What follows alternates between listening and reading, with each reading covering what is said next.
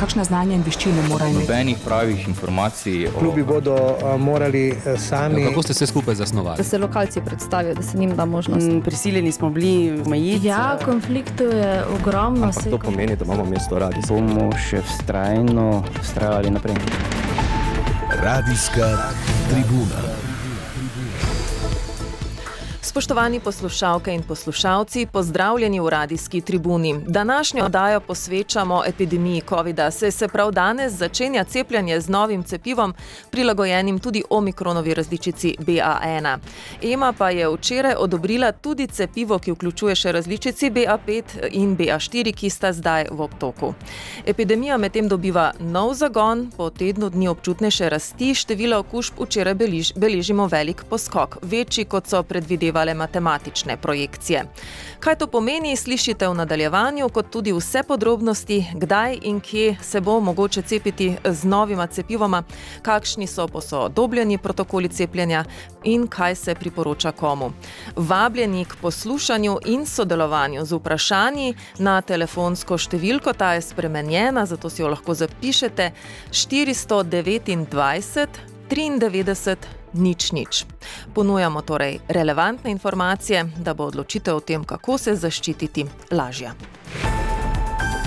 Radijska tribuna. Vaša voditeljica je Vesna Martinec.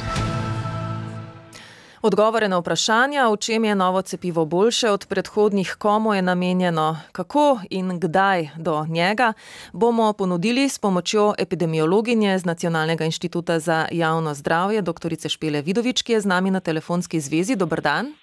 Dobar dan, lepo pozdravljeni. Naš sogovornik v studiu pa je direktor Mariborskega zdravstvenega doma Adolfa Drolca, dr. Jrnej Završnik. Dobr dan in dobrodošli v studiu Radia Maribor. Pozdravljeni, dobr dan.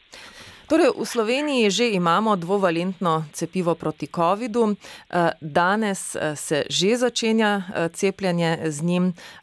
Povejte nam, gospod Završnik, podrobnosti, kje je lokacija, kako se naroča, kdaj so termini cepljenja. Torej, res je, mi smo danes zjutraj prijeli 500 odmerkov novega cepiva, katero vsebuje ob tem osnovnem vuhanskem sevu še um, torej se BA1 omikrona. In prvi Pacijent je bil že zdaj pred mojim prihodom tukaj v studio cepljen. Naj povem, da um, imamo čakajočih v vrsti ta trenutek 144 eh, kandidatov, ki se želijo cepiti, in pa potem imamo še 78 eh, varovancov, doma starostnikov, ki se prav tako želijo cepiti, in uh, te v domih starostnikov bomo pocepili do konca tedna, medtem ko teh 144 eh, čakajočih bomo pa pocepili eh, tokom današnjega dneva. Uh -huh. uh, lokacija ostaja peto nadstropje? Tako je, lokacija ostaja ista, to je ulica Talcev 5, peto, peto nadstropje. Termini? To, torej, termini so pa v torek, sredo in pa četrtek. Tisto, kar mi um, vljudno prosimo, je, da se pacijenti naročijo, zaradi tega, ker je enostavno uh, organizirati delo pri nas lažje. Torek in četrtek je namenjen izključno cepljenju proti uh, torej COVID-u, medtem ko v sredo pa deluje še cepilna ambulanta tudi za druga cepljenja. Uh -huh. Kakšno je to novo cepivo, oziroma gre za dve cepivi, ki vključujeta BA1, uh, eno je proizvajalca Pfizer in drugo Moderne. V čem se razlikujeta od predhodnih cepiv, gospa Vidovič? Torej, cepivi sta zelo podobni predhodnim cepivom. Um, pričakujemo pa, študije so pokazale, da naj bi nekoliko bolje zaščitile pred samo boleznijo, zaradi tega, ker pač vsebujejo tole različico omikrona. Sicer je to originalna različica omikrona BA1, trenutno križiča je pa BA5, ampak kljub temu so študije pokazale, da lahko pričakujemo, da nekoliko bolje zaščitijo pred uh, pojavom bolezni. So pa prav tako, tako kot že tista um, prejšnja monovalentna cepiva, zelo dobro učinkovita pred, uh, pre, pri preprečevanju uh, težjega poteka bolezni in potrebi po bolnišničnem zdravljenju. Uh -huh. Zdaj prihaja še, še dodatno posodobljeno cepivo, ki vključuje tudi zaščito pred različicama BA4 in BA5. Kakšni so tu morda podatki o učinkovitosti pred ravno tema dvema različicama, ki sta zdaj najbolj v obtoku? Tako je. Včeraj je Evropska agencija za zdravila odobrila uporabo teh še novih posodobljenih cepiv. Eh, ki zaščitijo torej proti različicama BA5 in BA4. Zdaj, eh, kdaj točno bojo prispela ta cepiva v Slovenijo, še nimamo podatka, eh, ampak ko bodo prispela v Slovenijo, bo seveda na voljo tudi v Sloveniji. Ta cepiva so izredno podobna prejšnji posodobljenim cepivom in zaradi tega je tudi ta odobritev bila tako hitra. Razlikuje se torej samo v um, tale mRNA, torej messenger RNA, ki je torej za verzijo uh, Omikron BA4 in BA5, medtem ko je v prejšnjih pač za uh, verzijo BA1. Kakšna so zdaj ta posodobljena priporočila oziroma pravila glede cepljenja proti COVID-u, ki ste jih predstavili prejšnji teden? V posodobljenih priporočilih je novost to, da se priporoča za določene skupine populacije drugi poživitveni odmerek. Eh, in v ta namen so na voljo ta nova posodobljena cepiva. Trenutno je to cepivo, je, ki vsebuje tole uh, originalno uh, verzijo virusa in uh, različice Omikron BA1. Drugi poživitveni odmerek je priporočljiv za osebe z večjim tveganjem za težji potek COVID-a torej pomeni za oskrbovance domov za ostarele, za, predvsem za osebe starejše 80 let, pa tudi za osebe starejše 60 let in za osebe, ki imajo pridružene kronične bolezni. Lahko pa se s tem, s tem drugim poživitvenim odmerkom cepijo tudi druge osebe. Stare 18, od 18 let naprej, če tako želijo. Torej, bistvo je, da novo cepivo je namenjeno samo poživitvenemu odmerku, ne pa osnovnemu cepljenju. Torej, dobi ga nekdo, ki pride po tretji ali četrti odmerek. Tako, to drži. Uh -huh. uh, glede na to, da uh, bo, bodo ti odmerki namenjeni za poživitvene, torej poživitveno uh, cepljenje, kako se bo preverjalo to upravičenost do tega cepiva, gospod Završnik? No, vse to je vse vpisano ne, v elektronskem sistemu, tako da tu, tu ni skrbi. Torej, s katerim cepivom pa je cepljen tisti, ki bi moral biti prišel se prvič cepiti, po prvi odmerek, katero cepivo?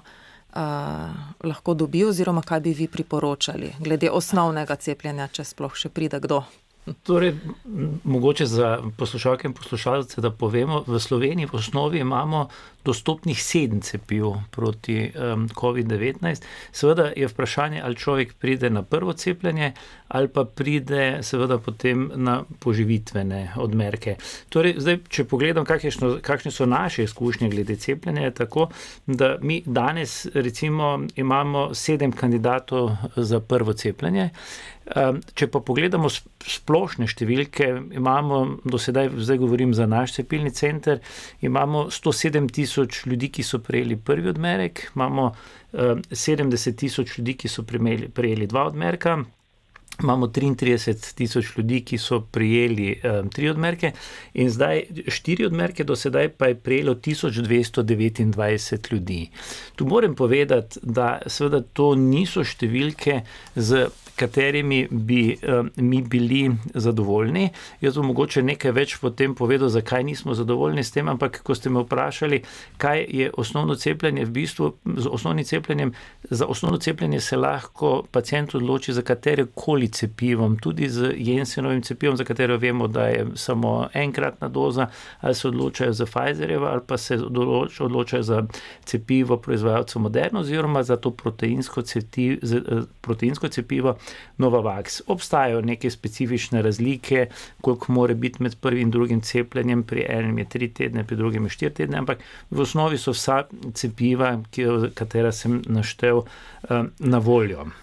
Zdaj, po teh uradnih podatkih vidim, da je nova vaksa danega ravno najmanj, da je najmanj popraševanja po njem.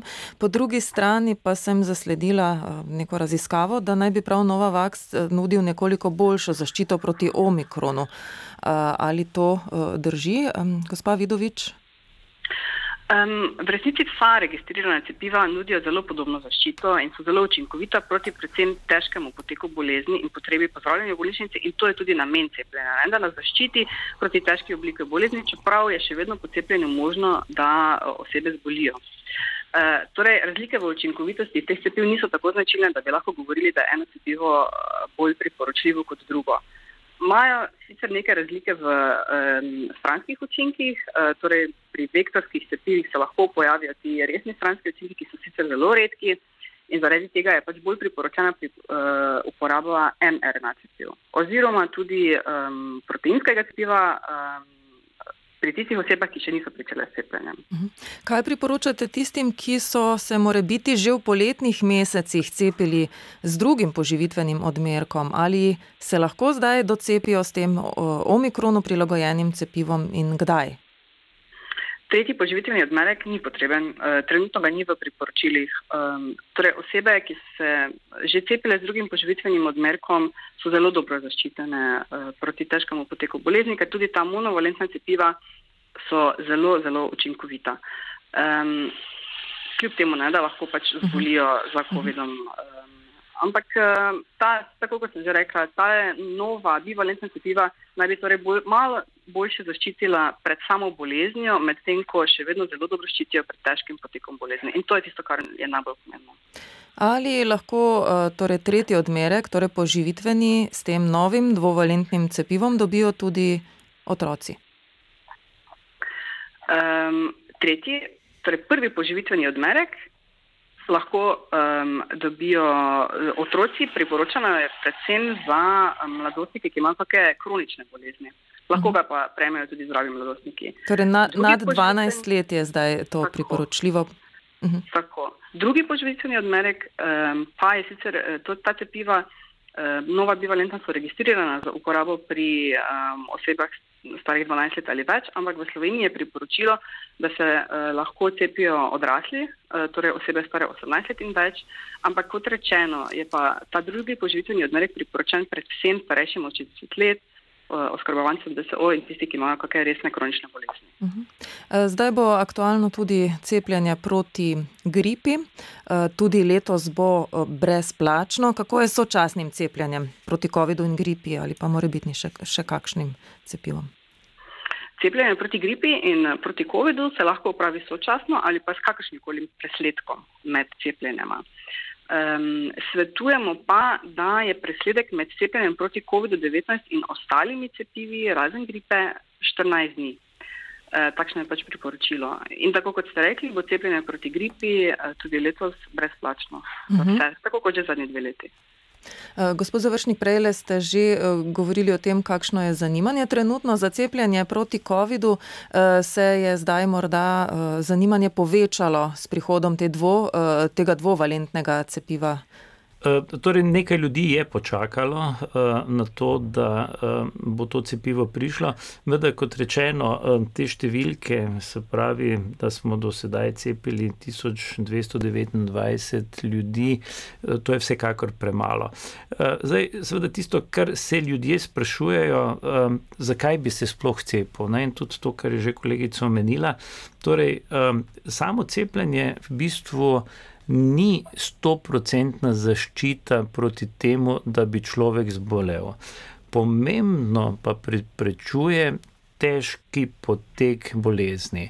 In zdaj, tisto, kar pa se mi mogoče premalo pogovarjamo, pa je seveda to, da mi bolezni COVID-a ne smemo enačiti z gripo ali pa z prehladi. Namreč verjetnost, da bo človek zbolel za gripo, je približno enkrat na pet let. Respiratorni virusi, ki povzročajo prehlade, s temi praviloma lahko zbolimo večkrat na leto. Tisto, kar se je zdaj zgodilo pri koroni, predvsem z temi podrazličicami omikrona od BA1 do BA5, pa je to, da če je tista osnovna vuhanska različica za nas pomenila neko zaščito, ki je trajala približno eno leto, se je pri tej omikronski varianti ta zaščita v bistvu več kot prepolovila. To pa pomeni, da mi lahko v enem letu zbolimo dva ali celo trikrat.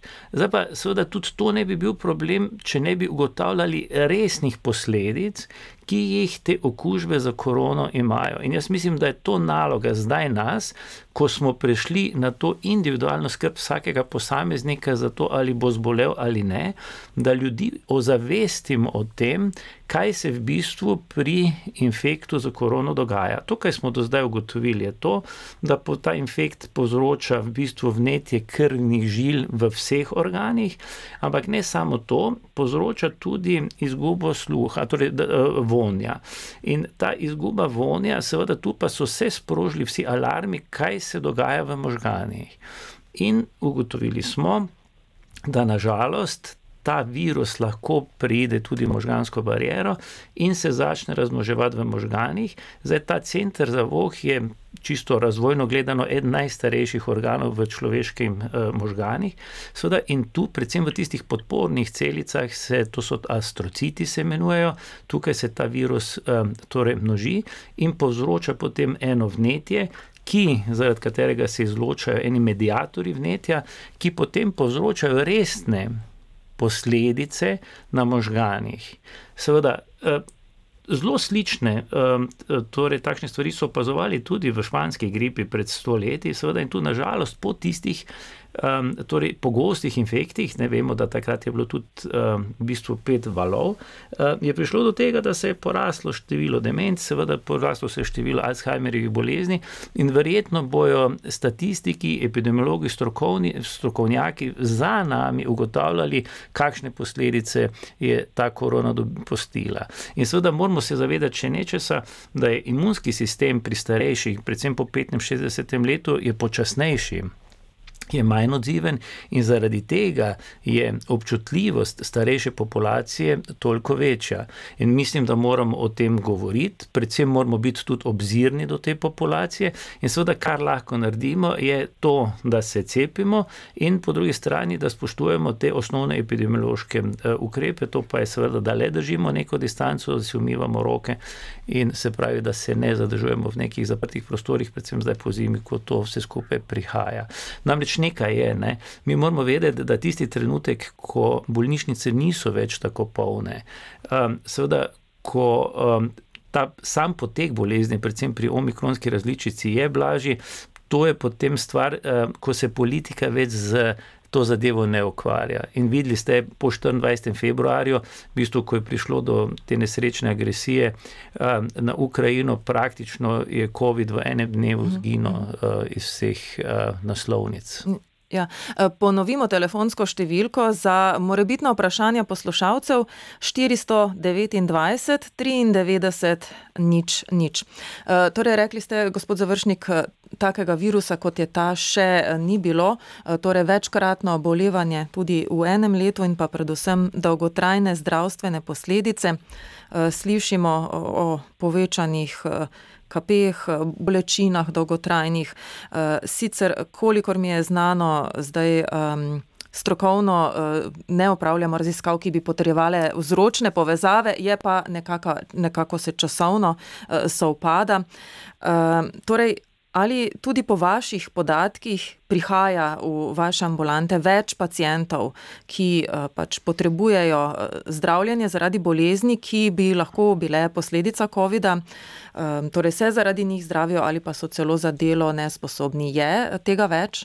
Torej, definitivno. No, mi smo uh, pripravili, dr. Kirbiševa je v okviru našega uh, uh, dispanzerja za pljučne in srčne bolezni skupaj z našim timom znanstvenega izkovalnega oddelka pripravila eno študijo in sicer mi ta trenutek spremljamo 554 pacijentov, ki se zdravijo v našem um, pulmološkem dispanzerju, zaradi tega, ker imajo težave z dihanjem kot posledica COVID-a. Tako da te številke so izjemno visoke. Mi smo danes tudi na kriznem štabu um, spregovorili o tem, namreč um, mi nekaj časa nismo imeli tudi šifre za long COVID, zdaj ta šifra je zaradi tega, da lažje tudi enostavno spremljamo te pacijente in nažalost teh pacijentov seveda je. Ocena je, da je teh pacijentov, ki imajo ta podaljšan COVID, se pravi približno 20%, po nekaterih, um, bom rekel, bolj strogih kriterijih je teh pacijentov nažalost še več. Seveda pa um, tu spada noter predvsem ena kronična utrujenost. Ki je posledica tega, kar sem govoril prej, predvsem posledic delovanja virusa na možganih. Seveda pa imamo tu, kot ste rekli, strtke, težave s srcem, in en kup v bistvu stvari, katerim uh, ljudem potem v bistvu resno um, um, torej življenje predstavlja eno tegobo. Imamo telefonski klic, dober dan, kdo je z nami? Dober dan, Rudi tukaj. Pozdravljeni. Glede, mi dva oba z ženo sva že preko 80. In sva bila že četrtič cepljena. Kaj to zdaj pomeni za najo? Uh -huh. Boste gospod Završnik, vi? Ja, v bistvu vi ste prijeli zdaj vse odmerke, katere smo mi svetovali. Zdaj vi ste bili, oziroma tudi razumem, da ste že bili cepljeni, ste bili cepljeni z temi cepivi, ki ste niso vsebovala um, ja, torej, je, tega le omikronske variante. Torej, tisto, kar ste vi naredili, ste naredili to, da ste naredili maksimum, kar bi lahko zase naredili. Vi ste zaščiteni pred težjim potekom bolezni, v slučaju, da bi zboleli. Ampak še vedno vam pa priporočam, da torej le se ne družite v zelo velikih zaprtih prostorih, kjer je ogromno število ljudi, se pravi, da si tudi umivate roke in kjer se le da tudi uh, nosite masko. Veste, da uh, to je odločitev vsakega posameznika, ampak vidimo, da uh, če gremo v tujini, v bistvu tam se to uh, nosi, pri nas je to bolj tako drugo vprašanje. Ali lahko gospod in gospa prideta tudi po odmerek dvovalentnega cepiva po poteku recimo treh mesecev, kot so ja. mislim, da prejšnji teden svetovali? Torej, ja, ampak zdaj ne torej po poteku. Potem, ja. Ja. Uh najlepša torej, hvala. Ja, po poteku treh mesecev, tak, eventualno. Tako, ja. tako. tako. Dobro. Dobro. Hvala. Uh, hvala za vprašanje, srečno ja. in veliko zdravja, gospod Rudi. Uh, gospa Vidovič, dotaknimo se še aktualnih epidemičnih številk. Zdaj zaznavali smo rast v zadnjih dneh, v zadnjem tednu, včerajšnji podatki pa so vsaj po številu ta, izdanih tan kot sodeč zelo poskočili. Imate morda vi kakšne uradne podatke za včeraj že? Um, ja, včeraj je bilo potrjenih nekaj več kot 30 primerov, um, novo potrjenih primerov in um, zagotovo k temu porastu v teh zadnjih dneh prispeva nekaj tudi vreme oziroma dejstvo, da se ljudje več družijo v zaprtih prostorih, pa tudi to, da se je začelo novo šolsko leto, uh, torej zaznavamo več okužb in to je bilo tudi pričakovano. Uh -huh. Po podatkih sledilnika, ja, ravno kar so bili osveženi, 40 odstotkov več včeraj kot prejšnji ponedeljek, torej 3483. Zdaj, podatki o hospitaliziranih temu ne sledijo, je tudi to dokaz, da pač cepiva delujejo. Zagotovo, ne? pa tudi uh, različica omikron povzroča blažji potek bolezni. Um, kljub temu je še vedno v enem malem odstotku možno, da se pojavi težka oblika bolezni. Ljudje tudi seveda še vedno potrebujejo nekateri uh, bolnišnično zdravljenje in seveda lahko nekateri tudi umrejo. Tudi smrti Ampak, so še. Zagotovo. Uh mhm. -huh. Ampak kljub temu je veči, velika večina populacije do sedaj se že srečala vsaj na nek način z virusom ali z cepljenjem ali so preboleli in neko osnovno tisto zaščito imajo. Nimamo več popolnoma imunsko nivne populacije, tako kot smo imeli na začetku, pa tako kot smo rekli, tudi ta različica je bolj blaga in zaradi tega uh -huh. uh, nimamo več toliko hospitalizacij. Uh, kaj bi lahko rekli o razmerah v podravju? Uh, kako je na vaši COVID-ni točki? Torej, tisto, kar smo mi beležili, um, zdaj govorim, ker jaz imam za vsak dan podatke. Pravi, mi, mi gledamo, kakšno imamo število testiranj, um, glede na hitre antigenske teste, koliko smo PCR testov odpravili, koliko je bilo pozitivnih in tudi koliko je bilo napotitev v bolnišnico. Tako da, um, zdaj mi v, pon v ponedeljkih so najviše številke, zdaj mi smo štere beležili skoraj 300 uh, torej, um, odvzemov, od katera je bilo 70% je bilo pozitivnih. Tako da te številke so izrazito zrasle. Nažalost, seveda. Temu sledijo, ne bom rekel, v tako velikem številu kot nekoč tudi napotitve, vendar so od enega do štiri napotitve v bolnišnico. In pa seveda z vsemi temi posledicami, o katerih sem že pregovoril, bi pa še nekaj opozoril. Um, objektivno je v, med ljudmi število pozitivnih večje. Ne torej, pridejo vsi na ne test. Ne pridejo vsi na test, tako da je ocena. Je, In tudi je, hitri testi so manj zanesljivi. Točno to, tako da ocena je, da je nekje krat 4, krat 5. Torej, če mi govorimo o številkah 3000, potem moramo dejansko govoriti o 15-16 tisoč um, pozitivnih.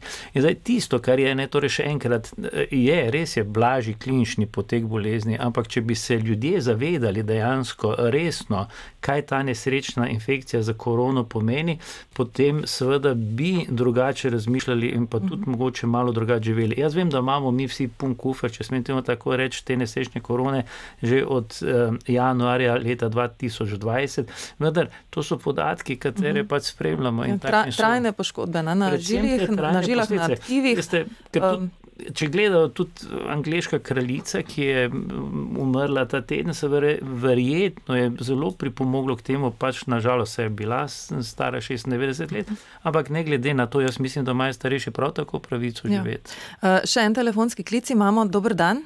Dober dan. Pozdravljeni. Uh, Milan pri telefonu kličem iz Prekmurja. Uh, tudi jaz bi rad vprašal v zvezi z cepljenjem, namreč uh, sem bolnik z reumatoidnim artritisom, sem na terapiji z zaviralcem JAK, RINVOK.